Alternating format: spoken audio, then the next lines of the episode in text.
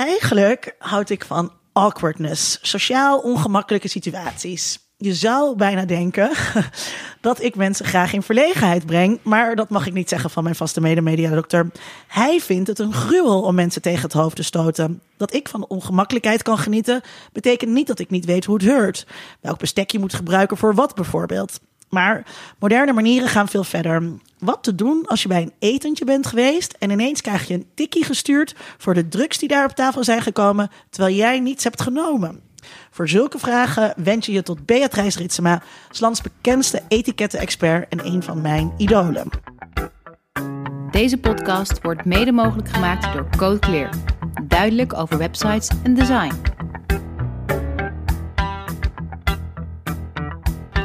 Vanuit Amsterdam is dit Onder Media Doctoren, de podcast waarin communicatiewetenschappers zich verwonderen over de media. We gaan het hebben over hoe we ons moeten gedragen, de moderne etiketten. Beatrice, je studeerde sociale psychologie en schrijft al bijna twintig jaar een column in Trouw, toepasselijk genaamd Moderne Manieren. Een bloemlezing uit de meest interessante kwesties die jou worden voorgelegd verscheen dit jaar bij Meulenhof. Het heet Moderne Etiketten, antwoord op bijna alle vragen over hoe het hoort of juist niet. Um, ja, we hadden het er al een beetje over toen je binnenkwam. Uh, ik begon meteen te tutoyeren. We waren sowieso een beetje zenuwachtig voordat je uh, kwam. Uh, of we het dan wel goed doen. Hebben mensen dat vaker in jouw omgeving? Dat ze denken dat ze het fout doen? Ja, dat zeggen ze wel eens tegen mij. en dan zeg ik altijd terug van nou, je hoeft echt niet bang te zijn. Want als ik een fout maak is het veel erger. En ik let er ook helemaal niet op. Sterker nog toen mijn kinderen in de gaten kregen, toen ze ouder werden, dat ik over etiketten schreef, moesten ze heel erg hard lachen, omdat ze dat totaal niet bij mij vonden passen. Maar oh, oh, dat is wel grappig. Dat is wel grappig. nou, daar, daar gaan we straks maar Ik kan me voorstellen, het zijn dan ook wel eens mensen geweest die, die je hebben uitgenodigd als consultant of zo, of mensen die, want ze sturen natuurlijk brieven om dingen te vragen, maar. Ja je maakt een duidelijk onderscheid tussen de moderne manieren, maar de, de, de, van hogere kringen die je vragen om les te komen geven of zoiets. Zo stel ik mij voor. Ja, ik, ik heb inderdaad wel eens uh, die vragen gehad. Uh, mensen willen dan workshops hebben of zo. Of bij bedrijven doen ze dat. Maar uh, dat, ja, dat doe ik nooit, omdat ik die kwesties echt te onnozel vind. Ik heb gewoon, gewoon geen zin om uit te leggen hoe je een tafel moet dekken en wat voor glazen er uh, links of rechts moeten staan. En, uh, dat interesseert me ook niet echt. En, en, ook de kleren niet, de kleding. Want uh, jouw, interesseert me ook al niet. Jouw moderne manieren gaan daar ook niet, ook, ook niet over. Nee, bijna niet. Het gaat eigenlijk alleen over hoe mensen met elkaar omgaan. Want het, dus het zijn, het zijn overgangsproblemen, conflicten en die, die moeten opgelost worden. Ja, misschien moet ik het even bijzetten dat dit voorbeeld uh, uit mijn inleiding, dat ik dat niet zelf verzonnen heb, maar dat dat echt een, een kwestie was die hij voorgelegd kreeg, waarbij ik dacht. Um, jeetje, dat die mensen dat dus ook op die manier durven te vragen. Uh, dat, ik vond het een heel uh, impertinente vraag eigenlijk ook een beetje. Dat, ja, als jij jezelf in zo'n situatie hebt gemanoeuvreerd, dan los je het ook maar zelf uh, op. Maar zou ja, dat arme meisje kan er niks aan doen, of die, die vrouw, dat zij zo'n tikkie krijgt. Ja, dat is waar. Dat, maar zou je antwoord anders zijn geweest als het appeltaart was geweest? Um, Even denken hoor. Nee, nee, nee. Ja, kijk, met die appeltaart, het, het, is zoiets met eten. Als je ergens wordt uitgenodigd, dan ga je ervan uit dat, dat, dat je het eten krijgt. Dat het inclusief is. Dat je, niet een rekening ja, precies, krijgt. Ja. Ik heb wel eens een vraag gegeven van iemand die bij een barbecue was geweest. En die uh, um, daarna inderdaad ook een tikkie kreeg. Ik heb dat gelezen, ja. dat voorbeeld, ja. En dat ja. vond ik heel, buitengewoon grof. Ik bedoel, als je mensen bij iets, een feest of een, of een etentje uitnodigt... dan ga je ze geen tikkie sturen. De tikkies is alleen wanneer je met mensen afspreekt om in een restaurant te gaan zitten... en ja. uh, iemand betaalt de rekening en het wordt verdeeld. Dan krijg je tikkies. Maar, maar niet in de persoonlijke sfeer thuis natuurlijk. En valt drugs daar dan ook onder? Um, bij die drugs, ja, het is, kan zijn het dat is mensen. inclusief bij het thema nee. van het feest.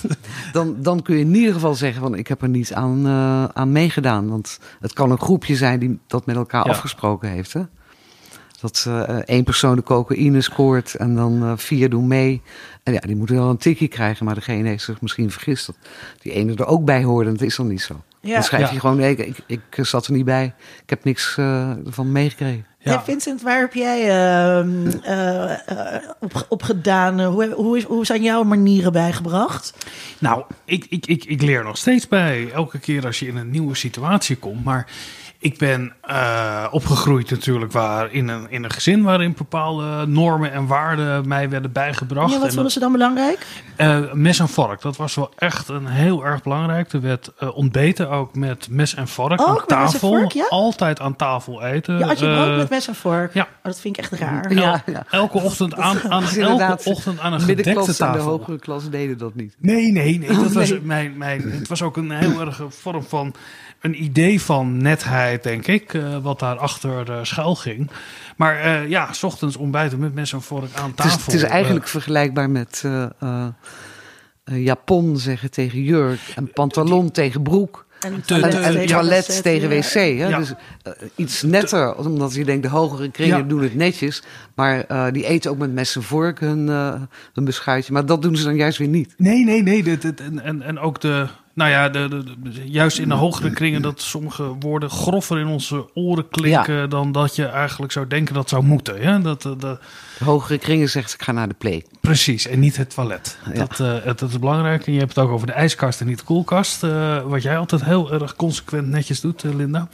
maar ja, en toen laat ging ik studeren. En, ik zeg dus wel eens toilet om niet raar over te komen, terwijl ik altijd wc zeg. Maar dan ben je ergens of zo waar, waar je bij, bij de HEMA of zo. Ja. En dan wil ik niet tegen ja, de ja. verkoopster dat zij mij dan raar. Snap je? Dan kom ik in een soort rare kramp. Uh, nou ja, maar dat is volgens terecht. mij ook wel wat, wat. Zoals ik etiketten heb geleerd of manieren, is dat je uh, die dingen doet zonder dat je daar tracht jezelf niet belachelijk te maken, maar ook degene met wie je omgaat. Niet, in de ander. Ja, niet, niet voor blok te zetten of, of gezichtsverlies. Of, ja, uh, maar dat is ook een heel situatie. belangrijk aspect van uh, etiketten. Ja, en, ja. en dat leer je naarmate je ouder wordt. Dan leer je bepaalde codes, uh, waardoor je in bepaalde kringen makkelijker kan bewegen. En ja, dat, ik ben gaan studeren op een gegeven moment. Nou, dan word je enorm gecorrigeerd zoals ik op mijn, uh, op mijn taal. Wat dan? Want, nou ja, ik kwam van de school en ik kwam ook uit een gezin waar hun en zij precies hetzelfde betekenden. Oh. En ook inwisselbaar waren. Uh, en niemand bij jou op school in Bergen waren er ook niet klasgenootjes die je daar... Nee, want we zaten op de vrijschool, dus we, we ik oh, konden wel heel goed een lenniskaat lopen en, uh, en, en, en we konden heel goed andere dingen doen. Maar dit speelde een minder grote rol schijnbaar. Want ik heb toch wel eens oud-klasgenoten van mij die ik dan spreek. En dan denk ik, ja, die doen dat nog steeds. En dan hoor je dat zij andere keuzes in het leven hebben gemaakt, waardoor ze niet gecorrigeerd zijn door hun omgeving. Ik had een vriendinnetje ooit die elke keer als ik een taalfout maakte, zei taal is dynamisch. Uh, zij studeerde Nederlands, dankjewel Loes. Uh, en dat was haar manier van corrigeren. Echt buitengewoon ergelijk. Oh, maar dan ga je wel natuurlijk opletten dat je, omdat je met een student in Nederlands bent, ga je dat dan wel zien te voorkomen dat je die fouten gaat maken. Uh, kortom, dat zijn steeds de momenten van. Het is een soort combinatie van uh, dingen je toe-eigen en schaamte om je ergens in te werken, waardoor je die codes gaat leren. Die mores waarin je begeeft. Nou, dat, dit, lijkt me, dit lijkt me een prima moment om, er, om erin te duiken. Um, Beatrice, hoe ben je hier ingerold? In de etikettenbusiness? Ja. ja.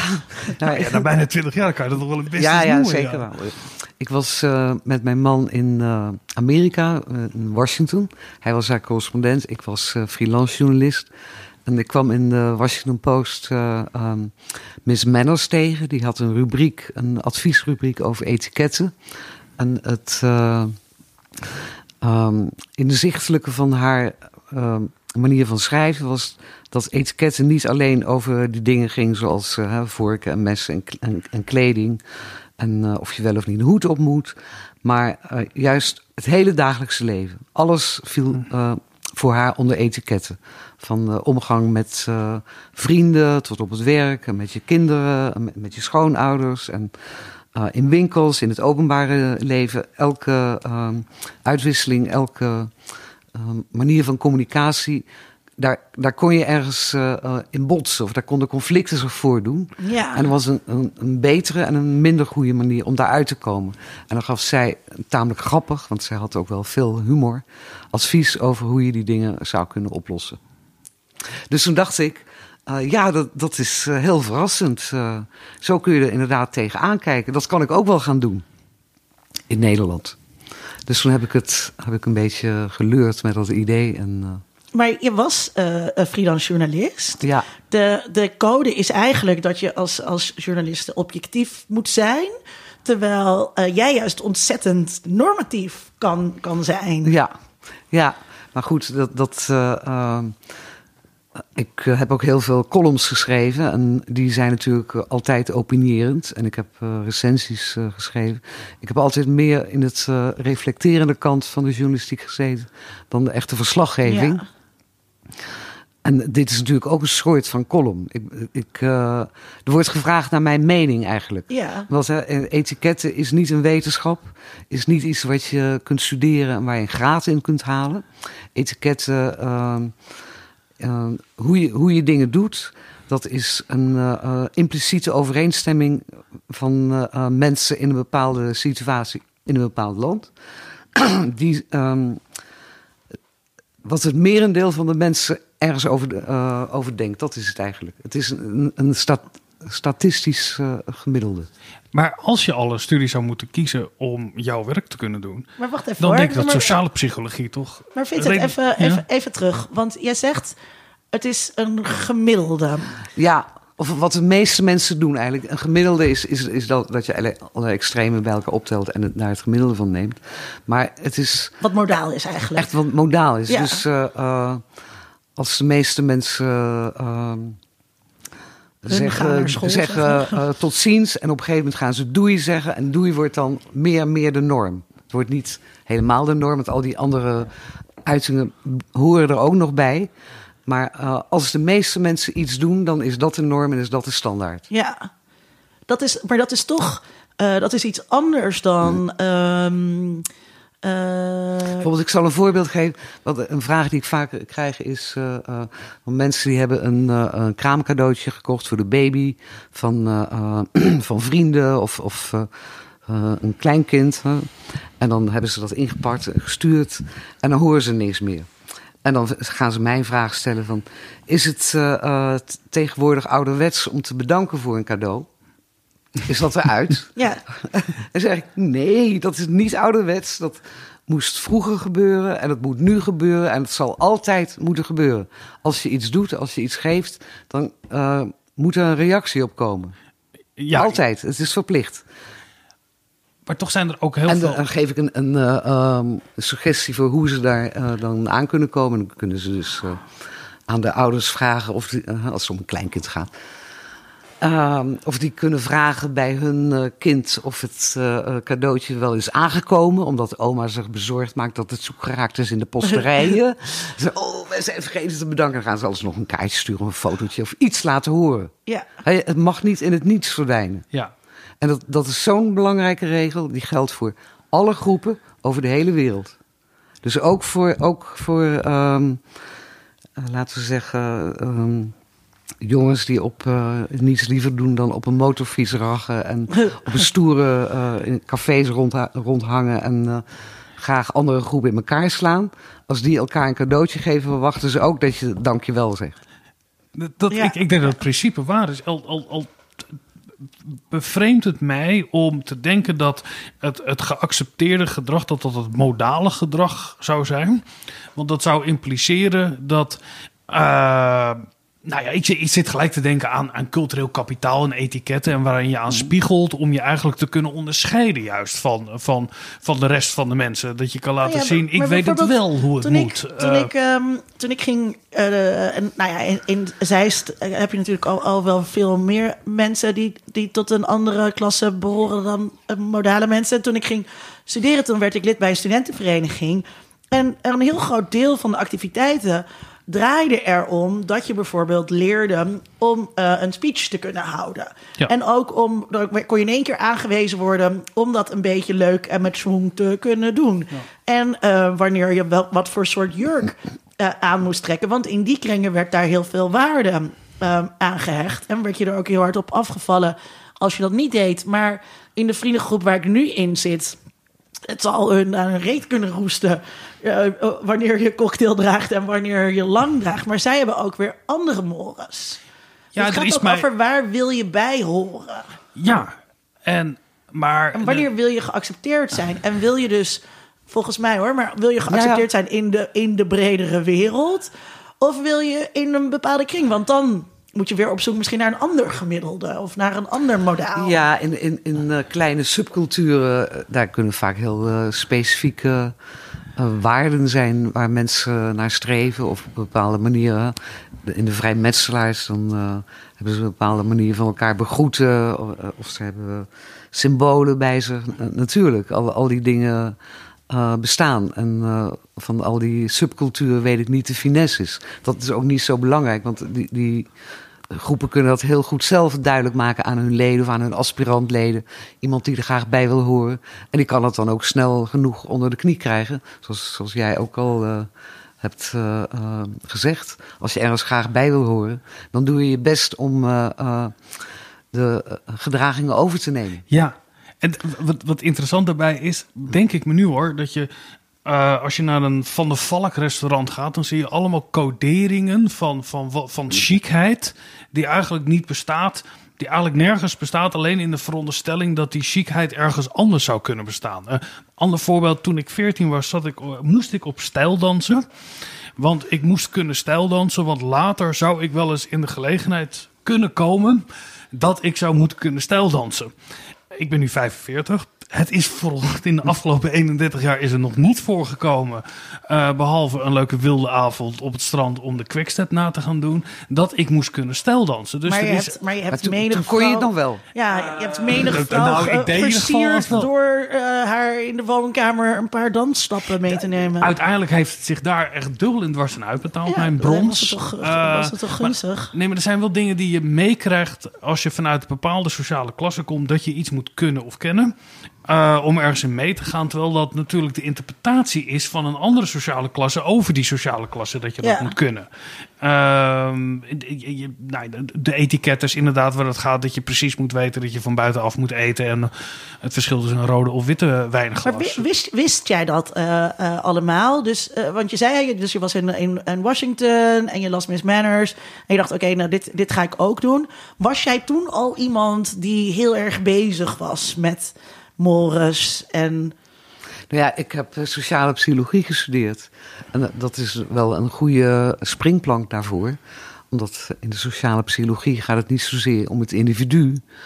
Um, zoals in de klinische psychologie, dingen die zich in je hoofd afspelen. En vaak ook, uh, uh, nou ja, psychische ziektes of afwijkingen of storingen in het gedrag. Maar bij sociale psychologie gaat het om gewone mensen en het individu versus de groep. Hoe. Uh, hoe functioneert een individu in de groep? Wat zijn de mechanismes?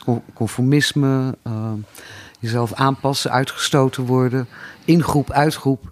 Um, en dat de sociale psychologie pretendeert dat ze over alle mensen tegelijk hebben. Dus dat ze zijn niet zozeer in individuele verschillen geïnteresseerd. Nou ja, dat sprak mij altijd wel aan, uh, uh, die, die studie. De werking dus, van de normen ja, in groepen. Ja. ja. Maar van huis uit uh, daar veel van meegekregen in de eigen opvoeding. Heb je je kinderen eindeloos uh, verbeterd met... Uh... nee, dat hoeft niet, want kinderen die, die nemen gewoon heel veel over van de ouders. Dus uh, zo die kwestie als met, met hen en zij, dat heb ik niet gehad. Wel kan ik me herinneren dat mijn kinderen, dus ik heb twee um, jongens en een meisje, zijn nu groter toen ze op de middelbare school zaten, dat ze de oudste uh, ontzettend boos werd op de middelste jongen. Omdat uh, Michiel begon het ineens over auto te hebben. En Felix die werd helemaal woedend van... Uh, het is geen auto, je moet auto zeggen. en, Michiel had het dan ergens op school gehoord... en die, ging daar onverstoorbaar mee door, ook om hem te pesten natuurlijk. Ja. Um, maar goed, je vroeg of, of ik Nee, ik heb mijn. Uh, ik heb wel de, de, gewone middenklasse dingen natuurlijk, zoals jij die ook hebt gehad. ze moesten een instrument leren spelen, dat is goed voor muzikale ontwikkeling. En ja. Ze moeten bedanken voor bedankbriefjes voor cadeautjes, inderdaad. Dat heb ik er erg ingehamerd. En dat is ook heel nuttig geweest, want ze kunnen alle drie goed met pen overweg. Voor zover ze dat nog op papier doen, niet natuurlijk altijd op media, maar ehm, ja, ik, ik heb geen, geen bijzondere dingen verder op etikettengebied aan mijn kinderen bijgebracht, geloof ik. Althans, niet, niet anders dan wat iedereen doet. Ja, ja. Heb je dat eigenlijk in je jeugd meegekregen? Um, Hadden daar strenge normen voor? Voor uh, die, juist, juist die dingen, zeg maar, waar, waar Beatrice niet over schrijft van hoe je moet eten, dat soort dingen. Ja, of misschien ook omgangsvormen. Elementaire, elementaire tafeldingen ja. natuurlijk wel. Maar dat, maar dat heb ja, dus wel de, de basis en zo. Maar ik heb veel meer uh, van werken in restaurants meegekregen. Ja, ja. ja, als je gaat indekken, dan leer je wel welk vorkje daarbij hoort. Ja. Ehm, dus dat heb ik van daaruit meer meegekregen. Meer die omgangsvorm vanuit mijn familie. Ja, maar ik ben wel, ik kan me heel goed voorstellen. Misschien vind ik het daarom ook je rubriek zo leuk. Um, ik, ik hou er zelf ook. Ik, hou, ik vind normen heel interessant. En, en uh, meer dan vanuit een sociologisch perspectief benader ik dat dan. Maar dat is wel, denk ik, ook waardoor ik eh, bijvoorbeeld in mijn proefschrift met hoe, die, hoe doen al die meiden dat? Ik heb gaan zitten kijken hoe, zitten, hoe zijn. Mijn proefschrift gaat over meisjescultuur. Ja, dus ik beschrijf en leg vast etnografisch wat zij allemaal aan het doen zijn en hoe onderling normen in hun systeem werken. Dus ik vind dat dit is wel een van mijn uh, duidelijke interessegebieden, wat ik vroeger denk ik ook al wel had. Net als dat ik subculturen bijvoorbeeld heel interessant vind. Um, had ik dat nou al gevraagd? Um, want uh, um, je, je, rubriek uh, is, een, is een column. Je bent voorschrijvend. ja. Hoewel ja. ik, ik, ik, mezelf wel tamelijk gematigd vind altijd. Ja, toch wel? Ja, vind ik eigenlijk wel. Maar soms vinden mensen dat het te stellig is. Maar oké. Het moet ook een beetje beetje stellig zijn, anders wordt het heel erg laf. Hè? Ja, ja je, kan, je, kan, niet zeggen, ja, voor allebei is wat te zeggen. Ja. het, is, het, is moet niet te veel enerzijds anderzijds zijn, want uh, anders valt iedereen in slaap. Hoe stelliger het is, hoe, hoe leuker, hoe leuker ik het vind altijd. En dat, is, dat, maar, en dat maakt natuurlijk ook, uh, dat maakt iemand ook tot een goede columnist, denk ik. Uh, als je altijd een beetje zo'n laffig verhaal Ja, nee, het moet een beetje uitgesproken zijn. Ja. ja. Um, waar, welke problemen vind je eigenlijk het, het leukst om over na te denken? En, en wel, welke setting? Um, ja, ik vind, ik vind die eh, groepsproblemen vaak wel uh, leuk. Dus uh, ik, heb, ik heb ook wel die interesse in subculturen die jij hebt. Um, die vind ik vaak leuker dan de schoonmoeder, schoondochter problematiek. ja. Ho hoewel die ook zijn charmes heeft hoor, dat, dat zal ik niet ontkennen. Maar um, dus de leukste dingen vind ik waar ik zelf ook even over moet nadenken. Dat, dat het niet meteen duidelijk is. Dus uh, um, er, is, er is bijvoorbeeld het, het, onderwerp roddelen. Ik moest eraan denken omdat jij het over die meisjescultuur had. En daar, mhm. daar speelt dat volgens mij een grote rol. In ieder geval groter dan, dan bij uh, uh, jongensculturen onder elkaar. Dus dan krijg, in ieder geval over dat roddelen, daar, daar krijg ik ook met enige regelmaat van vragen. Mensen die, die zeggen dat er op hun werk geroddeld wordt en hoe erg ze dat vinden. Of dat, er, of dat iemand uh, een vriendin heeft. En, uh, of die heeft twee vriendinnen en dan opeens gaan die andere twee. We worden ook bevriend en dat vindt die eerste dan heel erg. Nou, dan ga ik uitleggen dat het niet erg is. of dat ze toch proberen daar, moeten proberen daar los van te komen. Omdat ze. Uh, het heeft gewoon zo weinig zin om je druk te maken over dat er geroddeld wordt over jou. Omdat ja, dat gebeurt toch altijd. En uh, als je niet wil dat je uh, je eigen geheimen worden doorverteld, dan moet je ze niet vertellen. Of alleen aan iemand van wie je heel zeker weet dat hij te vertrouwen is. En voor de rest moet je dat vrij laten, want mensen zullen altijd blijven praten. Want wat voor... En het is ook niet zo erg dat mensen praten. Wat, voor, wat voor overwegingen hanteer je? Want je zei, ik, ik moet er soms ook over nadenken uh, wat, wat, wat je advies gaat zijn. Wat voor, heb je een soort uh, uh, richtlijnen of een soort basisprincipes? ik had het in mijn inleiding heel erg over de ongemakkelijkheid. En, en dat, dat, dat uh, ik, kan daar wel, ik kan daar wel lekker op gaan als er een ongemakkelijke situatie ontstaat. En dan, vind ik het leuk om te zeggen: Zo, dit is een ongemakkelijke situatie. Waarmee je ook wel weer een beetje weghaalt. Maar dat kan ik me voorstellen dat dat een soort leidraad is die je hanteert. Of misschien ook wel waar heeft de persoon zelf het minste last van. Ja, ik probeer, uh, wat ik toch altijd wel probeer, is, om een bepaalde harmonie tot stand te, te brengen. Um, en dat kan slaan op de situatie uh, zelf met, met verschillende spelers erin, verschillende partijen. Maar soms is dat niet haalbaar. Want dan, dan uh, is de clash te groot. En dan moet de persoon harmonie in zichzelf vinden. Dat is dan de tweede uh, oplossing.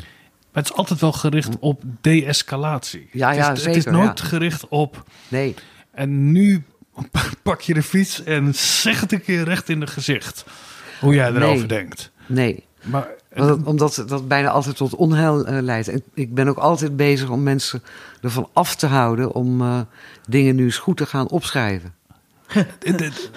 want, want je, hebt natuurlijk ook een, je hebt natuurlijk ook een tendens in, in, in andere soorten tijdschriften. Er staat, weet je wel, je moet uh, je hart laten, je, vanuit je hart spreken. En je moet voor jezelf opkomen. En je moet uh, niet het kaas van je boterham laten vreten. En uh, ik, je denkt wat je ja. zegt, zegt wat je denkt of zoiets. Allemaal dat soort Fortuiniaanse nou ja. affirmaties die er waren. Soms moeten mensen inderdaad wel enige assertiviteit kunnen opbrengen om zichzelf te redden. Ze moeten niet over zich heen laten lopen. Maar, uh, dat, maar, maar er is wel een manier hoe je dat kan doen. Is, daar zit een wenselijke manier in die, ja, ja, die, die leidt tot Nou harmonie. Ze moeten in ieder geval geen dingen gaan opschrijven.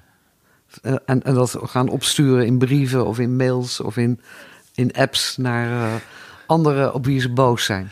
Ja, Linda. Dat, uh, al, al die geschriften of, uh, ja, die hebben de geheugen. Die, die, die, kunnen eindeloos bewaard ja. worden en kunnen twintig jaar later nog uitgeciteerd worden. Ja, ja. Dat wil je allemaal niet. Ik vraag Vincent vaak om uh, advies in bepaalde situaties. Uh, en Vincent is een onderwijsdirecteur geweest, dus dan heb je ook een bepaalde diplomatie. Uh, dat ik zeg, kan ik dit zo dan opschrijven? En dan zegt hij ook, nee, je moet dit niet, niet zo opschrijven. Dat, ja. um, maar, nee, ik voel heel erg met je mee daarin. Dat je kan van een klein probleem kan een veel groter probleem ja. worden. En vaak zijn problemen die besproken worden, gaat in 9 van de 10 gevallen nooit over problemen waar het over gaat. Dat idee heb ik vaak. Dat er onderliggende conflicten naar boven komen via... Ja, ja. ja is dat nooit frustrerend, Beatrice, dat je niet kan doorvragen? Uh, nou ja, ik, ik, zou dat kunnen doen hoor, want ik schrijf die mensen terug. Maar uh, dat doe ik inderdaad liever niet, want voordat je het weet uh, zit je in een enorme uitwisseling. Ja. En dan begint die hele verhalen. En dan, dan kom, kom je, je weer zelf bij me lang. in de therapeutische ja. hoek. Hè? Dat, uh, dat, dat, wil ik niet. Dus ik, ik, ik hou het bij een eenmalig iets. Soms schrijven ze nog even iets terug. Maar goed, de, de act van het schrijven, zoals je zegt... Alleen al het feit dat mensen een dossier gaan aanleggen hè, in werksituaties, ja. dat de baas een dossier gaat aanleggen. Dat, dat, is, dat is al een voorbode van het ontslag. de ontslag ja, ja, dat, ja. Dus als mensen, dat geldt ook in de persoonlijke sfeer. Als je, je moet het gewoon met uh, vis-à-vis uh, uitpraten met iemand, telefonisch en zo. Hm. Maar dat werkt veel beter, ook omdat je dan alles in je stem kunt leggen en, en je kunt voorbehouden maken. En je, je, ziet hoe de ander reageert. Je kunt er direct op inspelen. En um, ja, dan kan het soms nog wel gered worden. Waarom hechten mensen nou zoveel waarde? Waarom willen ze zo graag een oordeel? Waarom willen ze zo graag... Ja, nou, soms willen ze gewoon gelijk hebben. Maar heel dus, vaak geef jij ze geen nee, gelijk. Nee, dus dan, dan, dan zijn ze met iemand aan het praten en dan uh, zitten ze vreselijk op te winden. En uh, ze komen niet uit. En dan zeggen nou, ik ga het aan, aan uh, Beatrice vragen. Vind jij ook niet dat? Sorry. Vind jij ook niet dat? en dan, en dan, en dan zijn ze blij. Of, of niet natuurlijk, want ze krijgen niet altijd gelijk. Ja, ja maar, dit, maar dat, dat, dat, dat is, ja, je, dat soort rijdende rechter, hè? Dat, uh, maar dan op, op, in, in de sociale omgang. Ja, uh, ja want doen zouden mensen dat, zouden mensen dat uh, doen? Dat, dat je dan, nou, ik heb het voorgelegd aan Beatrice en dit was het oordeel. En hier moet jij het ook meedoen. Ik, ik, ik, ik, ik, ja, ik, ik zoek sowieso naar de reden waarom mensen dat doen. Ik denk dat veel mensen het, het leuk vinden. Ja, ze vinden het gewoon Die, leuk, eh, ja. Een leuk dilemma tegenkwamen. En dat gaat al drie verjaardagen erover. En dan zegt Ja. iemand, nou, weet je, we sturen Beatrice. En dan gaan we wel kijken wie hier gelijk heeft gehad. Zoiets. Ik denk dat dat Ja, het is. zoiets, ja. Maar iets serieuzer. Ik denk wel dat... eh, ik wil niet enorme zwaarte daarin hebben, maar dat er zo vanaf de jaren 60 wel een soort eh, ontwrichting is ontstaan, is dat er een heleboel vanzelfsprekendheden weg zijn gevallen. Dat er heel veel gecodeerd gedrag dat we dat niet hebben. Eh, en dat het dan heel lastig wordt hoe je dat dan moet gaan doen. Eh, hoe je dan moet gedragen daarin. Eh, Misschien ook omdat we er door steeds meer verschillende subculturen en culturen heen bewegen. Ja, en minder in een zuil zitten. Ja, ik, nou ja, als je naar een uitvaart moet bijvoorbeeld. Kijk, vroeger wist je vrij duidelijk hoe een uitvaart eruit zag. Dat was dan of christelijk of het was niet christelijk. En er stond iemand wat te vertellen en er was een kist. Maar eh, ik ben nu ook wel eens op uitvaarten geweest... waar opeens allemaal hele leuke culturele uitingen zijn... waarin je dan geacht wordt om mee te doen of niet mee te doen. Of moet je je dan leuk aankleden volgens de dresscode die bedacht is... in spiritueel paars of noem maar wat. En ga, doe je dan daaraan mee. Dus er zit veel meer complexiteiten in die je niet meer hebt als je gewoon in Zwaag opgroeit in een dorp en iemand gaat dood. Dan weet je wat je aan moet trekken, je weet wat je moet zeggen, je weet wat je moet doen. luister Ja. vooral naar onze aflevering Precies. over uitvaarttrends. Ja. Nou ja, ik dan dat niet. eh, Maar ik heb ook bruiloften eh, om maar eens allemaal dat soort rieten. Of verjaardagen. Ik kan mij de verjaardagen nog heel goed herinneren bij mijn ouders. Dat was een grote kring in de woonkamer. En iedereen wist hoe die zich moest gedragen. En op een gegeven moment zei iedereen: Nou, we gaan maar weer eens eh eh er vandoor. En, en dan Morgen een weer grote- goedendag. Ja. Ja, en dan stond er een grote pan met soep. En dat werd dan, eh, nou ja, eh, ingeschonken en dan dronk. En dan gingen mensen weer weg. Ja, Ze kregen eerst soep. het is altijd soep. Het was altijd soep. Oh, ik weet niet waarom. En, en, en, en, en, en eh, slagroomtaart dat altijd nog niet helemaal ontdooid was. Maar ja, dat is een ander verhaal. Eh, en, en ik denk dat nu, in de afgelopen twintig jaar in ieder geval, dat jij de column hebt, dat meer zoekende is, ge- is geworden over Misschien hoe moet je het dat als moet. vraag stellen. Is dat zo? Ja, het, het is in ieder geval eh, heel erg ge- geïnformaliseerd. Heel veel formele kaders zijn eh, verdwenen.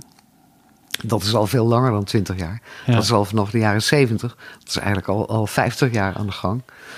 Ehm, en eh, dus de, de- er is een veel minder duidelijke machtsstructuur in de, in de maatschappij. Dus eh, die hele hiërarchie van... eh, je hebt de hogere klasse en de middelklasse. En die, eh, die hoge klasse deden de lakens uit en zeggen hoe het moet gebeuren. En die eh lage klasse die, die luisteren naar en die, die zijn gedwee. Dat is er helemaal niet meer. Dus nu is iedereen, het is gedemocratiseerd. Dus niemand is meer echt de baas. Wat mm, meer steggel met zich, met zich meebrengt. En bijvoorbeeld dat niemand meer ehm, zich iets laat zeggen door een ander. Ja. Omdat iedereen is evenveel waard. Dat is ook zo, iedereen is ook evenveel waard. Maar dat maakt het dus heel moeilijk om eh, andere mensen mm, met een zekere autoriteit tegemoet te treden. Dus die autoriteiten hebben het ook moeilijk. Politieagenten hebben het moeilijk. Eh, eh, ehm, zorg, eh, mensen in de zorg, artsen. Je bent allemaal moeilijk. Minister-presidenten. Zagen Ja. wij onlangs bij een speech, ja. Ja, Maar, maar eh, mensen schrijven aan jou omdat ze jouw oordeel willen. Ze, ze eh, eh, schrijven ook aan jou bepaalde autoriteit toe. Eh, maar soms geef je ze ongelijk. Ehm, eh, schrijven ze dan wel eens terug met kritiek? En meestal zijn ze wel eh, eh, tevreden hoor. Dan zeggen ze hartelijk dank. En, eh, nou, ook, als ik, het, ook als ze er ook als ze ik, niet. ik krijg ook wel eens, nou, maar toch vrij weinig. Ja, krijg je haatmail, wil ik eigenlijk weten. Ehm, Of als, als je dan iets, als je een advies hebt gegeven en, en je schrijft terug aan die persoon, dat ze dan schrijven. Of dat, ja, er wordt natuurlijk in de online cultuur wordt er veel gescholden, of in de huidige mediacultuur wordt er veel gescholden en veel. Valt het Ja. ook jou ten deel? Ja, ja, nou, ik had vorige week een Twitter-storm. Heb je misschien iets van eh, meegekregen? Ik had er iets van meegekregen. We hoefden daar niet per se naar te vragen, want dat zou ongemakkelijk zijn. ja. Oh, nou waarom? Ja, ik bedoel... Het, eh, Nou, waar is ging het over? openbaar. Ja, het ging over eh, een eh, advies wat, wat ik had gegeven aan iemand die een vraag had gesteld over ehm, een buurman, Syrische buren. En die waren al, hij was daar nieuw komen wonen in die buurt. En hij had nu al drie of vier keer een, een zoontje aan de deur gehad met een bord warm eten. En wat hij dan moest doen. Van, de, Syrische, de, de, van de Syrische familie. Ja, Van, van de Syrische familie. En hij was daar een beetje ongemakkelijk mee. Dus toen schreef ik terug dat ze. Uh, nou ja, toen heb ik een antwoord gegeven waar mensen verschrikkelijk aan gestoord hebben. Nou, wat was het? Uh, ik zei, in de, Arabische cultuur wordt vaak overvloedig en veel gekookt. En mensen kunnen altijd mee eten. En er is eten over voor familie die komt aanwaaien. En ze geven ook wel eens wat aan de buren. Dus het is niet iets waar je verschrikkelijk dankbaar over hoeft te zijn.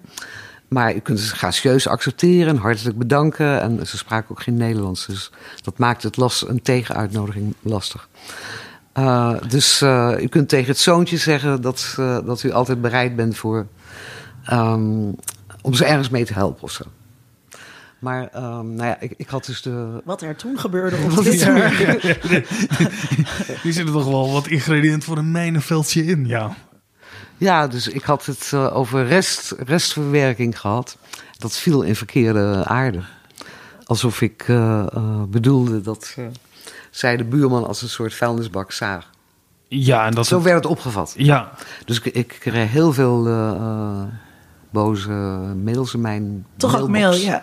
Ja, ja. Nee, ik heb die Twitter heb ik niet eens gevolgd. Toen dacht ik na tien van, oh nee, dat gaat de verkeerde kant op. Dus dat heb ik verder laten zitten. Maar ik kreeg nog genoeg uh, mails in mijn uh, mailbox. Dus die heb ik uh, ja. wat, beantwoord. Toch be ja, ja, wel beantwoord? Ja, ja nee, ik bedoel... kijk, ik, ik zie de term restver, restverwerking niet als iets negatiefs. Want ik doe dat zelf ook de hele tijd. Als ik... Ehm, bijvoorbeeld met kerstmis, dan krijg ik eerst de eerste kinderen, dan, dan andere kinderen. Dan ga ik gewoon iets groots koken en de helft blijft over. En dat zet ik de volgende dag weer neer. Ja. Ik bedoel, wat is er mis mee? Ja, nee, ik, ik, ik, heb te veel, Ik heb te veel eten gekookt en uh, er komt iemand langs. Het is meestal wel een kind. Hier, wil je iets uh, mee voor morgen bij de lunch? Ja hoor, dat vinden ze allemaal heerlijk. Ja. Dus ik zie, wat is er mis mee? en zij zijn gewend om het naar de uh, buren te brengen, wel eens. Dus, maar goed, dat was verkeerd. En dat, ik heb me verontschuldigd over de term. Oh, echt waar? Ja. Dat wel? Ja. Want dat, dat, dat, dat. Wat, hoe, hoe kijk jij dan daarnaar? Um, naar dit specifieke oordeel? Ja, als dat op Twitter een klein Twitter-stormpje voor, uh, Nou ja, kijk, um, uh, ik, ik vind. Uh, ik, ik, vind, ik vind dus, ja, een van de redenen waarom ik die rubriek zo leuk vind, is omdat uh, um, het dus soms stellig is of omdat het soms advies is wat je niet verwacht. Dat, dat, maakt, het, dat maakt het leuk en spannend. Um, en ik bedoel, er is altijd gezeik uh, op, op Twitter. Dus ja, uh, en dan ben ik blij dat het niet over mij gaat soms. Ja, dat, dat is. Maar het is, het is, een beetje op, op, ophefje van de dag of zo. En dat kan heel makkelijk over dit soort dingen. En dat maakt het dan ook relatief onschuldig. Tenzij mensen dus echt gaan, gaan schelden of zo. Um, maar het is ook uh, fijn als de ophef du jour ging over uh, zo'n zo'n term in, in zo'n adviesrubriek. In plaats van dat we uh, um, het hebben over hele heftige racistische dingen die er gaande zijn. Want dat ja. is natuurlijk ook wel eens. En, um, maar ik vind het wel interessant, van je zei um, eerder van het is ook die etiket, etiketten gaat over wat met je, bij de modale mens geldt. En daar moet jij dus een soort van voelsprieten voor hebben. Ja, en het is onvermijdelijk dat je, dat je daar ook wel eens mis mee gaat. Ja, dat, zo, dat, dat, je zal, dat bij moet stellen. Dat, dat zal uh, best, wel, uh, best wel eens misgaan. Ja, want zie jij bijvoorbeeld, um, zie je, zie je uh, trends? Nou, ik neem aan dat je dat voor je boek ook bekeken uh, hebt. Uh, zijn er verschuivingen of zie je duidelijke... Nou ja, Zwarte Piet is natuurlijk een heel duidelijk ja. voorbeeld... waar je laatst ook over had geschreven van... Nou ja, dat, dat verandert in de maatschappij en dat signaleer je dan. Daar heb ik trouwens 25 jaar geleden in Amerika al over geschreven. Want toen zaten wij daar en we hadden natuurlijk geen Sinterklaas. En als je, zodra je een, een lange tijd in Amerika um, zit... dan, dan zie je hoe gevoelig die raskwestie ligt zwart en, uh, en wit Dus ik dacht, nou ja, die, Sinterklaas, dat zou helemaal niet kunnen in uh, Amerika. die Zwarte Piet. Dus toen, schreef ik al zo'n stukje van, die mhm. gaat er over tien jaar uit. Ja. Heeft nog 25 jaar geduurd. Ja. Maar ja, dat, dat, dat kan niet in deze tijd. Ja. Maar zie je andere ontwikkelingen? Ja, ik kan me dus al voorstellen dat, uh, dat, dat de komst van het tikkie... dat dat inderdaad voor heel veel tikkie-gerelateerde vragen heeft uh, gezorgd... die er voorheen niet waren. Nou, dat valt eigenlijk nog wel mee. Nee. Want uh, mensen hebben natuurlijk altijd... als ze voor, met z'n allen voor één persoon een cadeau gingen kopen... wat, wat een, een oude traditie is dan was er ook altijd één persoon die het ging kopen en die moest dan van die andere negen geld zien binnen te halen. Dus dan, dan kreeg ik de vraag van, ik heb nu al twee keer gebeld of collega Karel uh, zijn uh, 7 gulden 50 wilde overmaken. Hij zit nog steeds, wat nu? Ja. weet je, dus, ik weet niet, met Tiki is het toch eigenlijk hetzelfde? Ja, dus het, is, het, het zijn uh, dezelfde, de technologie verandert misschien, maar de problematiek blijft hetzelfde. Ja, ja. ja. dat vind ik wel, dat vind ik heel geruststellend. Ik zit te denken, wat eigenlijk het, voor mij echt groot en nieuw is, is dat je hebt mensen met bepaalde ideologische eetvoorkeuren, vegetariërs, veganisten en dergelijke. Ben je dat vaak tegengekomen? Want daar heb ik zelf nog wel eens moeite mee. Dat je enorm je best staat te doen voor iemand die veganistisch is. En er staat één schaaltje ook met een, een, een knoflooksausje wat je hebt gemaakt voor de mensen die niet veganistisch zijn. En je ziet met de veganist... wat gevoelloos, Vincent. en, Echt nee, en de veganist die zegt, ach, eigenlijk vind ik het zo lekker en begint dat weg te nassen. dat je dan denkt, ja... Daarvoor stond ik niet de hele bloody dag voor jou allemaal veganistische smeersels in elkaar te draaien. Het, zit, zitten daar ontwikkelingen in? in, in uh, uh, in, in, in, in dat, zijn er moderne trends in de moderne manieren? Dat eten, dat wordt steeds uh, groter. Dat is, uh, daar heb je wel gelijk in. als mensen geen... maar er zitten ook weer modus in. Hè? Van, op een gegeven moment was het brood uit... en dan, dan mocht je geen... spaghetti of koolhydraten en zo niet op tafel zetten. En ja, vegetarisch is natuurlijk ook sterk in opkomst.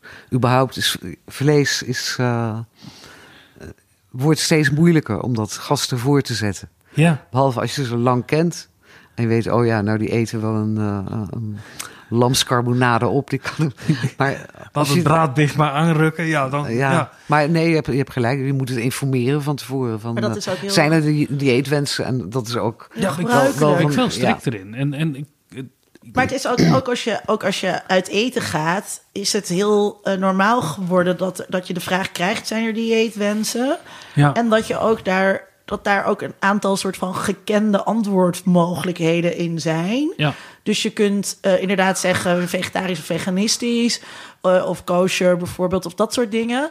Maar nou, kosher is... vind ik al heel wat uh, moeilijk. Oh, in een restaurant? In een restaurant, ja. Ja, ja nee, maar, als bij iemand bij mij zou komen, dan, ja. dat, dan zou ik echt geen kosher dingen op tafel...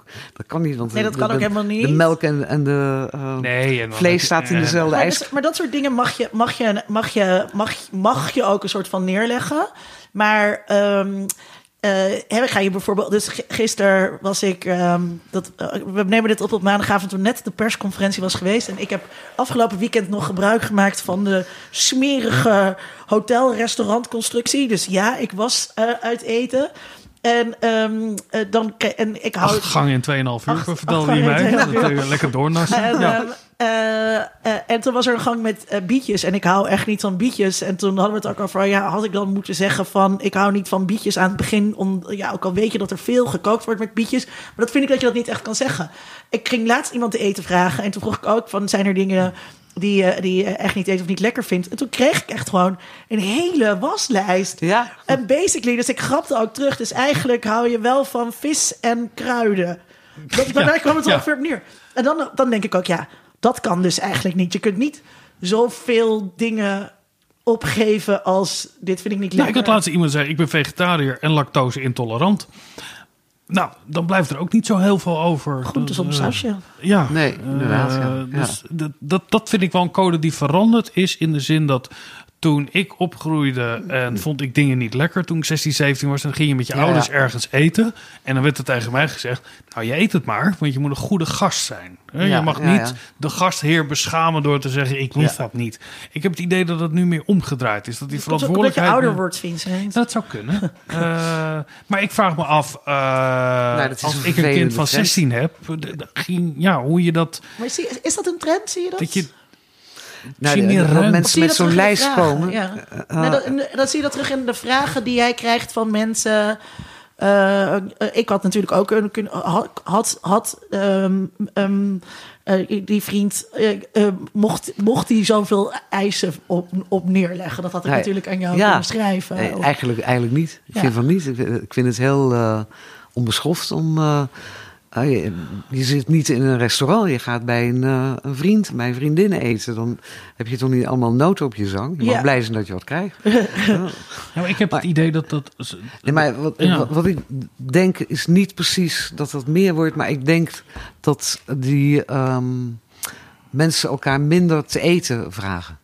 Dus dat ze dat eigenlijk alleen nog maar doen met bekenden. Met vertrouwde figuren. Maar niet zo van, oh je bent een leuk iemand uh, tegengekomen laatst bij een uh, receptie. Weet je wat, die gaan we eens te eten uitnodigen. Ik denk dat dat minder gebeurt. Ja, dat, dat... En, dat, en dat komt hier misschien hierdoor. Ja, want het eten is, is best een intieme aangelegenheid. Hè? Ja. Want je zit aan tafel. Uh, het, het, is al, ik moest voor Radio 4 wat vragen doen voor kerstmis, kerstkwesties. En dan ging het over Zoom, kerstchinees. Ik zei, doe dat niet. Nee. Doe dat niet, want je, je zit in, verschillende huizen en iedereen zit te eten, het is geen gezicht. Nee. Dus als je met elkaar aan tafel zit, is het prima uh, te doen. Je zit gezellig te praten en mensen zitten te eten. Maar het is wel een heel intiem. Zodra je er een camera op zet, is het fout. Ja. Het eten. Ja. Dat kan, je ziet ook nooit mensen eten op televisie. Nou, uh, we, we, we, we, wilden ook vragen naar bijvoorbeeld een programma als uh, First Dates. Um, ja. Wat ook een soort van uh, over. ja, je zit je daar toch ook een beetje te vernachelen aan mensen die fouten maken of zo op zo'n eerste date. Of Ehm, die dingen. En, en ze gaan eten. En dat, dat, dan zie je iemand zo met zijn stokjes in de dimsum prikken. Ja, Dat je denkt, oeh, mijn god. Maar dan zie je trouwens ook weer dat die, dat die andere, dat, dat, dat dan de tafelgenoot dat zegt. ook doet, dan denk je, dit is een Die tafelgenoot die zegt dan, ja, ik weet ook niet hoe je dat moet eten hoor. Nou, ik pak gewoon met mes en vork. En dan, en dan hebben ze toch een leuke date. Um, maar dat is ook wel een beetje een programma toch, dat gaat over hoe behoor ik me nou te gedragen in zo'n sociale situatie die voor veel mensen, uh, voor meer mensen dan vroeger, een realiteit is geworden. Ja, maar ja, dat eten is echt een uh, enorme verzwaring van de taak. Het is, uh, het is wel moeilijk om met een onbekende een gesprek te voeren. En dan moeten ze ook nog eten. Dus dan, dan heb je een, een olifant op je nek. Want het, het, ziet er allemaal niet uit. En Nee, het is echt wat zien mensen aandoen. En in de wetenschap dat er zeven camera's op je staan en strak uitgelicht. Ja, dat is een enorme. Maar ik denk ook wel dat mensen door naar dit soort televisieprogramma's te kijken. We hebben natuurlijk een hele reeks gehad die een beetje op zo'n reality-achtige manier vertellingen zijn. Heel veel leren over omgangsvormen. Uh, denk je dat ook, Beatrice? Dat speelt televisie daar nog een rol in? Voor mensen om te leren hoe je, nou ja, wat je tafelmanieren zijn. Nou, je... Ik denk dat mensen televisie alleen maar gebruiken om anderen uit te lachen. Ja? Ja, niet om er iets van te leren. Behalve misschien uh, natuurprogramma's. Dat, dat, daar steken ze iets van op. Maar als ze naar andere mensen kijken, dan zitten ze alleen maar uh, uh, ze te bespotten en te wijzen en ze uit te lachen. Ja, maar daar kan je toch ook iets van leren? Dus als je dus iemand zit uit te leggen dat je denkt, ah, wat heeft deze nou aangetrokken naar deze date? Of hoe praat ze nou met ja, elkaar? Maar dan heb je de normen toch al in je hoofd. Ja, dat is waar. Ja, ja, dat, dat, dat, ja, ja. Je denkt niet, oh, zo dus, dus ga ik het op die manier. Ja, het is een bevestiging van wat je zelf al ja. van, van, van, van het denkt. Is meestal, het is gewoon malicieus. Zoals mensen naar de televisie kijken. Uh, mensen, zoals je, jij zei net ook al over dat uh, first dates Ehm, dat je daar zit te kijken uh, uit een soort leedvermaak. Van kijk eens uh, hoe ze aan het stuntelen zijn. En ze, ze weten niet met de dimzoom. En ze, ze houden uh, moeizame gesprekken. En ik zit lekker op de bank en ik hoef dat niet te doen. Maar ja, precies. Daar, ja. Zo kijken mensen ja. daarnaar. En dan als het gaat het over, ook bijna altijd. over fictie. Dus uh, er, iedereen heeft zich net, uh, heeft net massaal The Crown gekeken ja. uh, op Netflix. Waar trouwens ook, ik weet niet of je, of je dit seizoen hebt gekeken. Ja. Waar ook een soort test in zit. Margaret Thatcher mag naar Balmoral komen. En die wordt onderworpen aan een aantal proeven waar Prachtig, ze allemaal jammerlijk voor slaagt. Ja, dan zit ik eigenlijk ook niet te kijken van... goh, wat zijn nou de mores van Balmoral? Maar meer, hoe, hoe faalt Thatcher en hoe grappig is dat? Ja, daarvan, uh, daaraan kun je denk ik zien dat het fictie is. Ja. Dus, maar. Zo'n zo situatie is bijna, bijna onvoorstelbaar. Dus dat zij binnenkomt in zo'n jurk... En haar man met een smoking, geloof ik. Ja, om zes uur uh, s'avonds, ja. Ja, maar het is alleen nog maar de borrel. Ja. het is pas, eten is pas om acht uur. Dat, dat is echt niet bestaanbaar.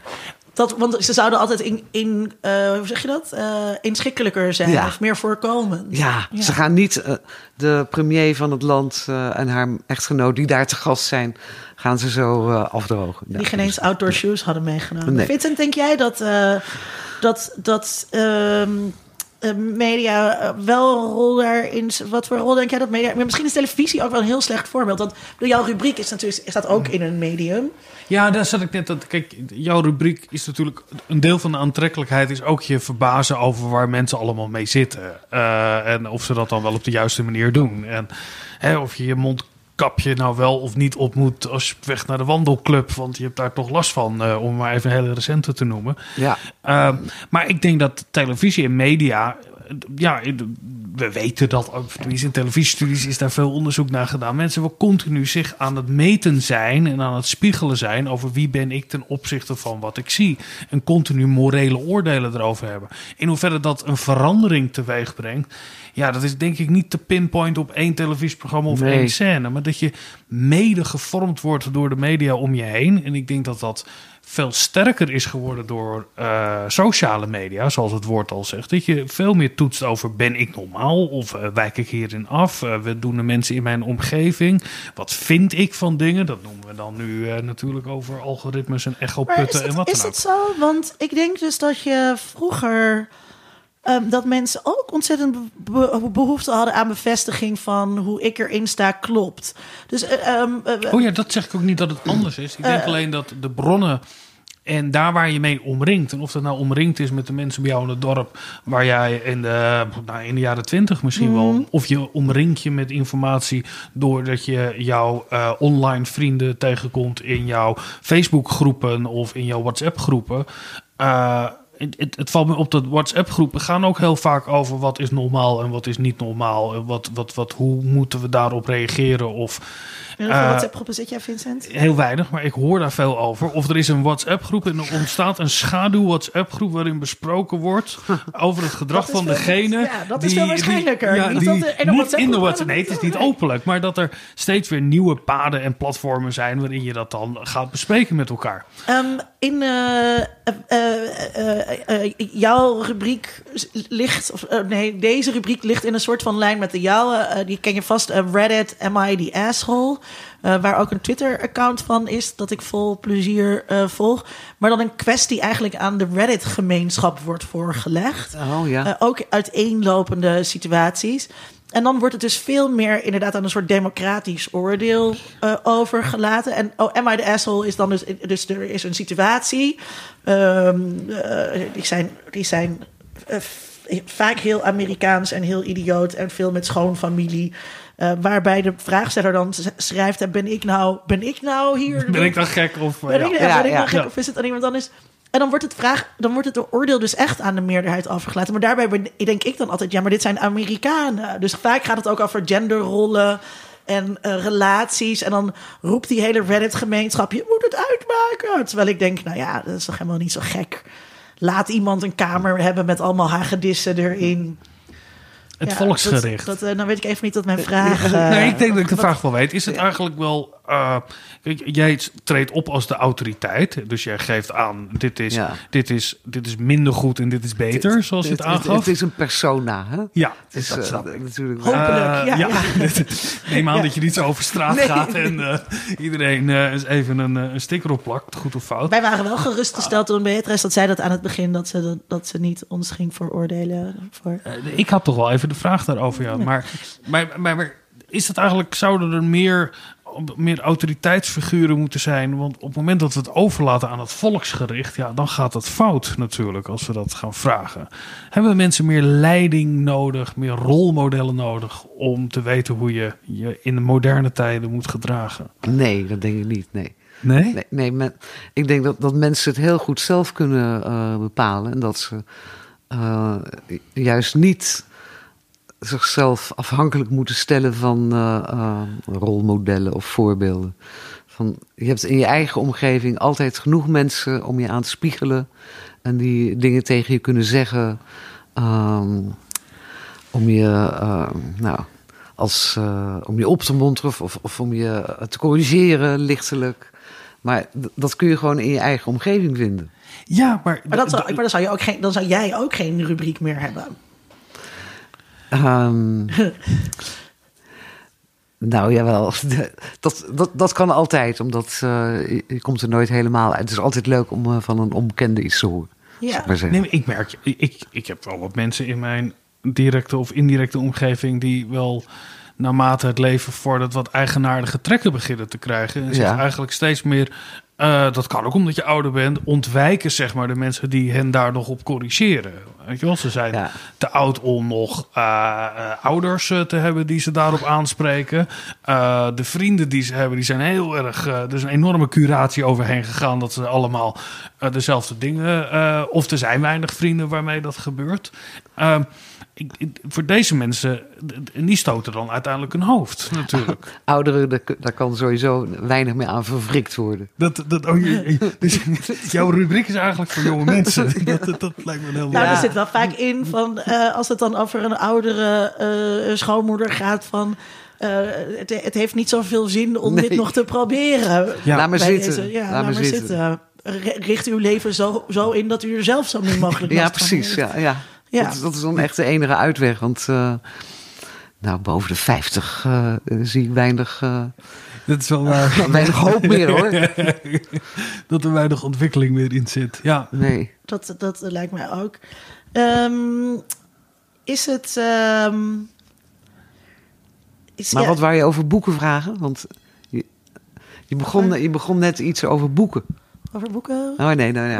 Over, oh. Het ging over televisie en, zei, en, en over boeken.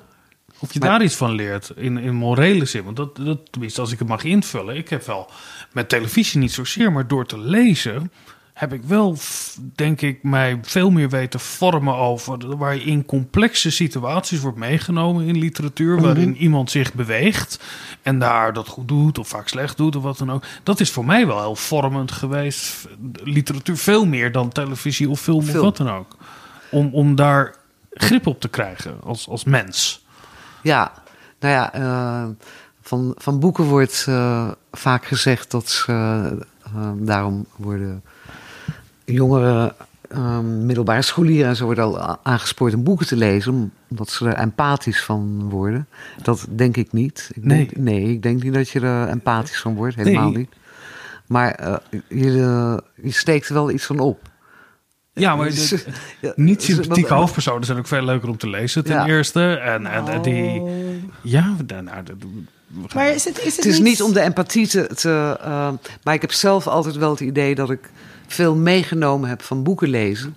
Omdat, uh, omdat je zoveel verschillende situaties tegenkomt. Ja. En Veel van- meer dan bij tv. Van, uh, uh, ja.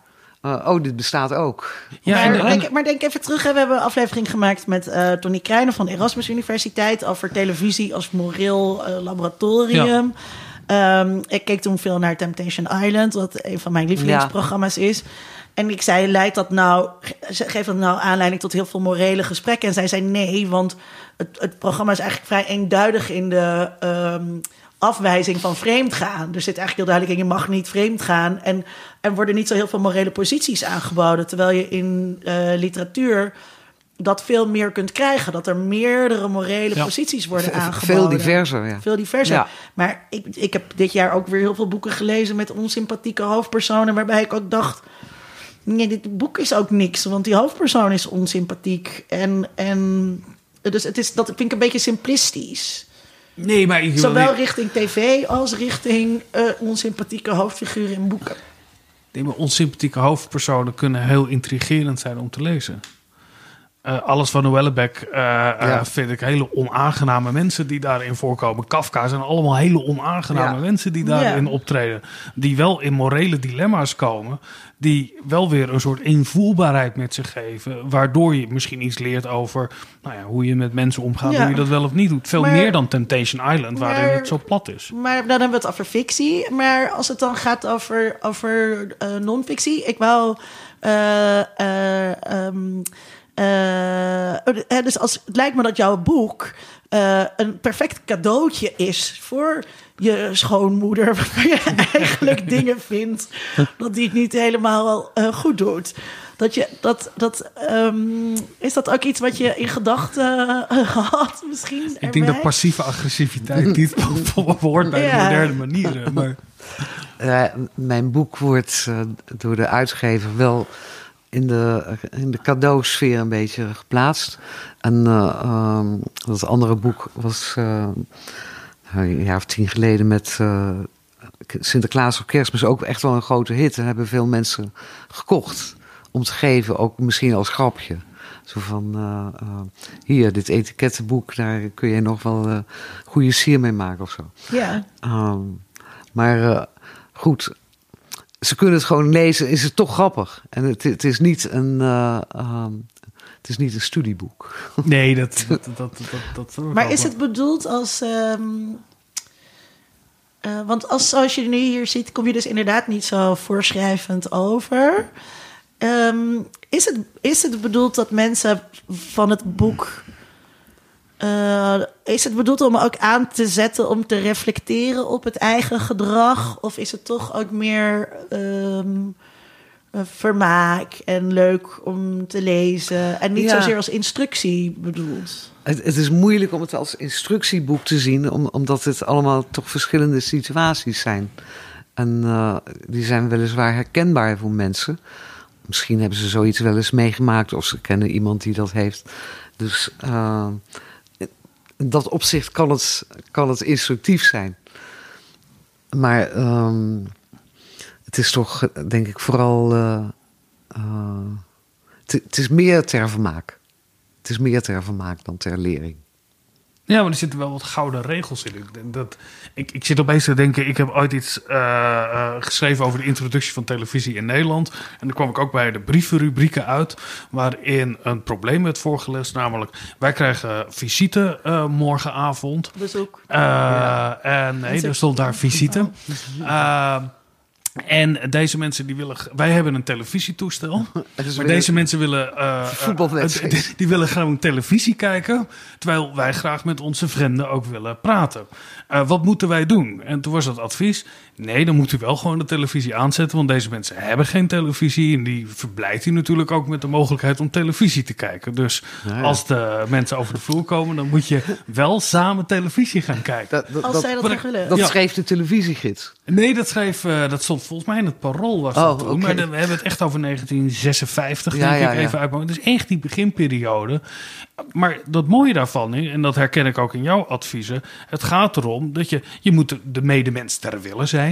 Uh, je moet ze niet, misschien niet tegen het hoofd stoten. Uh, uh, niet in verlegenheid brengen met verwachtingen die ze hebben op het moment dat ze naar je toe komen. Daar zitten wel wat gouden, nou ja, het, wat, wat, wat, wat basisregels in over hoe je met elkaar om zou moeten gaan. Nu zou je precies het omgekeerde maar, misschien adviseren. Maar het is ook, maar volgens mij is het dus niet. Het is uh, basisregels in hoe je met elkaar om moet gaan, maar ook, ook wel echt een les. Uh, soms in mens erg je niet, zeg maar. Dat. Um, uh, ja, uh, hecht, hecht er niet zoveel waarde aan. Uh, laat het los. Ja, ne neem het niet te zwaar op. Ja. Sommige mensen nemen ja. bepaalde dingen heel... Uh, Oké, okay, u heeft buren die staan te roken... maar het had ook zo'n ja. houtkorfding kunnen zijn... en dan was u veel verder van huis. Ja. Ja. En toch denk ik dat, uh, je refereerde er al aan, het, het niet, niet pikken heb ik het idee, maar dat weet ik helemaal niet, maar ik heb het idee dat dat sterker wordt. Dat je meer voor die assertiviteit, grenzen stellen aan je omgeving. Ik wil dit. Jij hebt ook wel in je persoonlijk leven heel nabij hier wel eens met buren uh, uh, vraagstukken gehad over hoe gaan we dat eigenlijk inrichten als we toch dicht bij elkaar zijn dat dat sterker wordt. Dat mensen hun verwachtingen graag bevestigd willen zien en daar moeilijk van af kunnen wijken. Weet je, weet je dat? dat mensen nu meer op hun strepen staan dan vroeger? Ik, ik, ik zie de afgelopen maanden... Nee, want ik krijg toch veel, uh, veel mensen, uh, vragen van mensen... die werkelijk uh, zich helemaal laten oprollen door hun omgeving. Toch wel? Ja. Dat, ja. En dat ik echt moeite moet doen van, dit, dit kan niet. Je, je moet hier tegen ingaan. Je moet dit en dit bevechten. Sommige mensen zijn echt heel erg bang voor anderen. Oh ja, dat... dat... Echt. En dat, dat zijn dan toch ook vaak de mensen die schrijven. De, de, mensen met de grote bekken, die schrijven mij toch niet zo erg. Die zijn al lang blij. Nee, maar er zit er natuurlijk ook een enorme bias in... dat je voordat je in een rubriek in trouw op papier gaat zitten... en dat rustig gaat verwoorden... dan hebben we misschien ook een ander type mens te pakken... dan de mensen die zeggen... En, men, mensen die zeggen ik wil het, die hebben ook geen probleem natuurlijk. Nee, die moet gewoon zijn bek houden. Ja. ja. Maar er is ook natuurlijk het idee dat uh, altijd alles maar altijd slechter wordt. En hè, de jeugd van tegenwoordig, dat die uh, het veel slechter... Mm. Maar dat is helemaal niet waar. Hè. Het gaat beter met de ja. jeugd van tegenwoordig dan met de jeugd van vroeger. En er is natuurlijk denk ik ook dat, dat de voortdurend het idee van dat er etikettenverloedering is. Net als het idee dat er nee, dat, dat, is. dat is wel helemaal niet aan de hand. Nee, er is geen etikettenverloeding. Nee, zeker niet. Nee, nee, nee. Ik denk eerder dat het sterker weer wordt. Uh, de, als ik kijk naar de generatie van mijn ouders. Uh, mijn vader was ook altijd heel erg van moet kunnen. En uh, ik trek geen kostuum aan naar mijn werk. Want je, ze moeten je maar gewoon waarderen op wie je bent als persoon. En heel erg die generatie. Terwijl ik denk dat onze generatie en de generatie na ons daar eigenlijk wel weer wat meer liefde voor heeft. Voor die.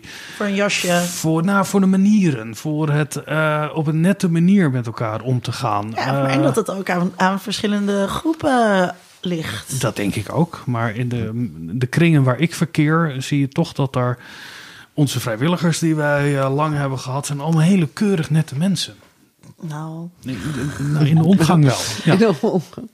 Ja, nee, maar mensen in het uh, openbaar leven en als zodra ze elkaar zien, dan gaan ze meestal heel uh, correct met elkaar om en uh, prettig. Terwijl dat contrasteert dan heel erg met zoals ze elkaar op internet afmaken ja. of, of, op Twitter. Dus daar, daar dat is bij de wilde spinnen af soms. Dan denk je, hoe is het mogelijk? Terwijl uh, ook, ook zoals politici uh, uh, dingen toevoegen, dat is, dat is veel erger dan vroeger. Want vroeger gebeurde dat niet of nauwelijks, hoewel toen mensen ook al bedreigd werden. Terwijl als je die mensen dan gewoon zou aanschrijven, dat hoor je ook wel hè, van columnisten die dat doen. Dan gaan ze een kopje koffie drinken met die belagers. En dat, het zijn dan de uiterst ja. vriendelijke mensen die. Uh, ik wist niet dat het ook gelezen werd. Dat vind ik altijd het mooiste verweer. Dat, nee, het valt mij altijd op. Ik dus dat die... is een vreemd contrast. Ik... Maar goed, op, op, uh, achter een schermpje dan ja. uh, kunnen mensen helemaal losslaan natuurlijk. Maar dat is wel belangrijk, want er is dus, je hebt dus heel makkelijk de neiging om te denken dat er een spillover effect is van die sociale media naar de echte wereld. Ja. Um, terwijl wat jij eigenlijk zegt is, uh, uh, nee, misschien juist wel omdat je dat in de, in de, op sociale media zo ziet, zijn mensen. Wanneer ze elkaar. Nou, dat werd altijd ook gezegd over. Ik heb heel veel in die internetkringen verkeerd. iedereen die Bert Brussen voor het eerst ontmoette, die zei: Je niet echt is een hele aardige jongen. En dat werd ook van al die mensen van geen stijl vroeger gezegd. Ja, ja, ja. um, dat dat. dat, dat um, uh, dus dat het eigenlijk het tegenovergestelde is. Ook nu, we hebben ook nu vanavond weer gezien. Uh, de, dus uh, nogmaals, luisteraar, de maandagavond waarop Rutte de pers, niet de pers kwam, maar het land heeft toegesproken en mensen buiten lawaai stonden te maken. Ja, dat is een heel klein groepje. En overigens sprak heel Twitter er schande van dat die mensen, nou ja. dat die mensen daar stonden. Dat zo... Nou, heel Twitter, alle mensen die jij volgt. En dat is dan weer natuurlijk een correctie daarop. Nou ja, er zijn vast ook dingen in, in de Twittersfeer waar hard gejuicht wordt uh, voor deze excessen. Uh, dat, dat, dat kan natuurlijk. Maar ook daarvan weten we uit onderzoek dat het een hele kleine groep is die de boel bij elkaar schreeuwt op Twitter. Ik, ik vind het altijd als ik in de auto zit. Ik rijd zijn niet wel heel weinig. veel. Ja. Ja. Maar als je in het verkeer zit, hoe ontzettend keurig mensen zich allemaal aan de regels Ja, ja, ja. houden, elkaar eh, ruimte geven. Eh, Dat gaat in 99 procent van de gevallen Het gaat bijna de hele tijd goed. En, Ja, eh, da- als daar er- ben ik als vaak er op verbaasd over. Een eh, eh, oud vrouwtje struikelt Ja. met een, en een zak boodschappen laat vallen, dan schiet iedereen toe om op de Nou, benen. en zeker in de afgelopen Ze zijn maanden. echt vrij beleefd. Absoluut. Dat je bij de supermarkt, ik fiets hierheen en dan zie je iedereen weer keurig op die, eh, nou ja, laten we zeggen, een meter afstand een rijtje vormen. We zijn toch allemaal best wel ook docile wezens. Dat er als er een, ja, een, een, een, een meneer in een torentje iets gaat zeggen, dan doen we dat toch ook weer netjes. En dan staan we weer een mandje vast te houden. Nou ja, we hadden wel weer extra sympathie voor Rutte. En nadat hem dit overkwam, dat hij zo uitgejouwd werd. eh, daardoor dacht ik wel, Maar ik kon het wel goed opvangen. ja, Dus ja, hij, hij zei wel, ja, die lui die daar staan te roepen. precies. Ja. Hij improviseerde dat Ja, er dat ook deed nog, hij heel eh, goed. ook nog weer even in. Dat Ja. vond ik eigenlijk wel heel goed gaan. Ehm, Nou, hoopvol allemaal dit. Hoopvol, hè? Ja. ehm, Aan het eh, einde van het gesprek eh, willen wij altijd een vraag beantwoorden die we van tevoren nog niet hebben eh, geformuleerd. En de vraag is denk ik, ehm, ja, wat, wat, wat doet jouw rubriek? Dus wat, wat is de, functie van moderne manieren? Of waarom hebben we dat nodig? Of, eh, en dan ga ik het eerst aan Vincent vragen en dan eh, aan jou. De rubriek wer- werkt niet. Maar ik denk wel dat. eh, wat, wat, wat- ik meeneem ook uit dit gesprek met Beatrice is dat er verandert niet zo heel veel. Het wordt niet erger. Het wordt ook niet radicaal beter. We, hebben, we zitten eigenlijk met dezelfde soort vragen die steeds in een andere vorm weer terugkomen. Hoe kunnen we eh, ons verhouden tot onze medemensen? En dat is een enorme opdracht natuurlijk over waar we steeds weer in moeten zoeken. En er zijn altijd weer mensen die dat vragen. Want de rubriek gaat natuurlijk niet om de brievenschrijvers. De, de rubriek gaat over de mensen die dat weer lezen. Dat lijkt mij. Hè? Dat, want anders kan je gewoon die mensen een mailtje sturen. En ik denk dat we daar toch altijd wel weer behoefte aan hebben. En daarom zie je ook Want welke rubrieken... rol is, dan de, is er voor de media weggelegd, volgens jou? Nou, ik denk dat het. Eh, eh, wat wij weten is, wat ik net ook zei, is dat we ons altijd weer spiegelen en toetsen van ben ik normaal? Eh, en wat vind ik eigenlijk van die norm? En dat doen we ook met zo'n rubriek. En natuurlijk kunnen we er een beetje om besmuik lachen als iemand in een rare situatie zit. Of bij first dates als dat misgaat. Maar dat we ons continu daartoe verhouden. En ik vind het een, ik vind het een deugd om je het vermogen te hebben om een breder register te hebben dan alleen maar vanuit een soort drift te handelen. Eh, ik denk dat dat beschaving is. Om je op verschillende situaties op een zodanige manier te kunnen gedragen. En, ik, ik ben wel heel erg opgegroeid in een omgeving waaraan daar heel erg werd getwijfeld. Want je moest, het ging om persoonlijke expressie en vooral dicht bij jezelf blijven. En, en, en, en zeggen waar het op staat. En ik ben naarmate ja, als, ik, als ik zeg naarmate ik ouder word, dan klinkt het als dat ik mm, tammer ben geworden. Maar ik zie wel de waarde daarvan in om steeds weer ook op zoek te gaan naar die vraag. En niet te handelen omdat je het alleen maar vindt. Of omdat je daar een drift over hebt wat je moet uiten. Oké, Nou ja. Jongen, jongen, ja. Ja, is het. ben je Ik heb er weinig aan toe te voegen. Oh, nou, dat is de bedoeling, eh. Nou ja, ehm, ik hoor vaak van mensen die de rubriek lezen dat ze ehm, met een, iemand, een vriend, vriendin aan de ontbijttafel zitten en dan leest eentje de vraag voor. En dan, dan praten ze met elkaar van, nou ja, dat zal wel, ja, dit moet natuurlijk de antwoord zijn. De nou, dit moet zal het antwoord zijn. En, dan- en daarna gaan ze het lezen en dan zijn ze toch nog verrast. Dus dan, dan, dan eh, hoewel het vaak wel een beetje is wat ze denken. Maar ehm, dus, eh, dat vind ik erg leuk als, als mensen dat zeggen. Want dan verplaatsen ze zich dus in een ander en ze zijn eigenlijk aan het, eh, ze zijn aan het roleplayen. En roleplaying is een, een belangrijk concept in de sociale psychologie. Hè? Van, eh, als je ehm, niet weet hoe het moet, doe dan maar net alsof je Ja. weet hoe het moet. En na een kwartier of zo. dan- Fake it till you dan- make it. Ja. en dat, dat is gewoon heel erg. eh, ehm, het is, het is een, een leerproces en het is een heel hard effect. Dus het heeft echt effect. Als je doet alsof, dan wordt het echt. als je doet alsof je verliefd bent, dan word je verliefd. Nou ja, maar op een kleine schaal doen mensen dat dus met die rubriek. En dat vind ik gewoon heel erg uh, grappig. En daar is het ook een beetje voor bedoeld. Dat ze even, even uit zichzelf komen en toch uh, hun eigen zelf er ook in leggen. Ik denk dat je daar wel iets van leert. Het lijkt me zo leuk om een Beatrice Ritsema bordspel te hebben. Waar je dan steeds een vraag krijgt. En als je dan het goede antwoord hebt, dat je dan weer verder mag. Of je moet weer terug. Ik, nou, als er uitgevers zijn die luisteren, dan uh, bij deze, doe iets met dit uh, idee. Ja, ja, ik denk dus inderdaad dat het, uh, dat het een prettig spiegelen eraan is. Dus sowieso is er inderdaad een beetje het... wat gaat Beatrice zeggen? wat, dat, wat dat leuk maakt. En dat mensen Jij zegt mensen willen weten, ben ik normaal? Maar ik denk ook dat mensen zich willen uh, verhouden tot autoriteit. En je bent wel een autoriteit, hè? want daar, je hebt die rubriek, rubriek en je bent, het is beste Beatrice. En natuurlijk is dat een persona, maar wel, waar, wel eentje waar aan uh, de schrijvers en de lezers die autoriteit toeschrijven. En dat, dat, dat verhouden daartoe... Um, dus niet, niet uh, ben ik normaal, maar um, doe ik het goed? Want dat vind ik toch wel. Ja, ik vind het normatieve eraan. Um, dat, dat maakt het zo prettig. In ieder geval, voor, dat is, en misschien is dat ook gewoon mijn betekenisgeving, die voor mij. Uh, die het voor mij leuk maakt. Ja. Het is allemaal onze semantic power die we hebben natuurlijk. Semantic power. Ja, ja, ja, ja, ja. Daar, daar kan ik dan... Maar dat is ook, dat is ook van mijn rubriek. Hè, van, Iedereen kan uh, de vragen beantwoorden. Maar niet iedereen kan het zo opschrijven. Ja, dat is, dat ja. is natuurlijk ook. Dat is alleen. Ja, want, want, uh, want redigeer je veel in de brieven van de mensen zelf? Jawel, ja. Ik, ik, uh, ik, ik, moet ze bijna altijd inkorten. Het is altijd te lang. En uh, ik moet er fatsoenlijk Nederlands van maken. En ik moet er herhalingen eruit halen.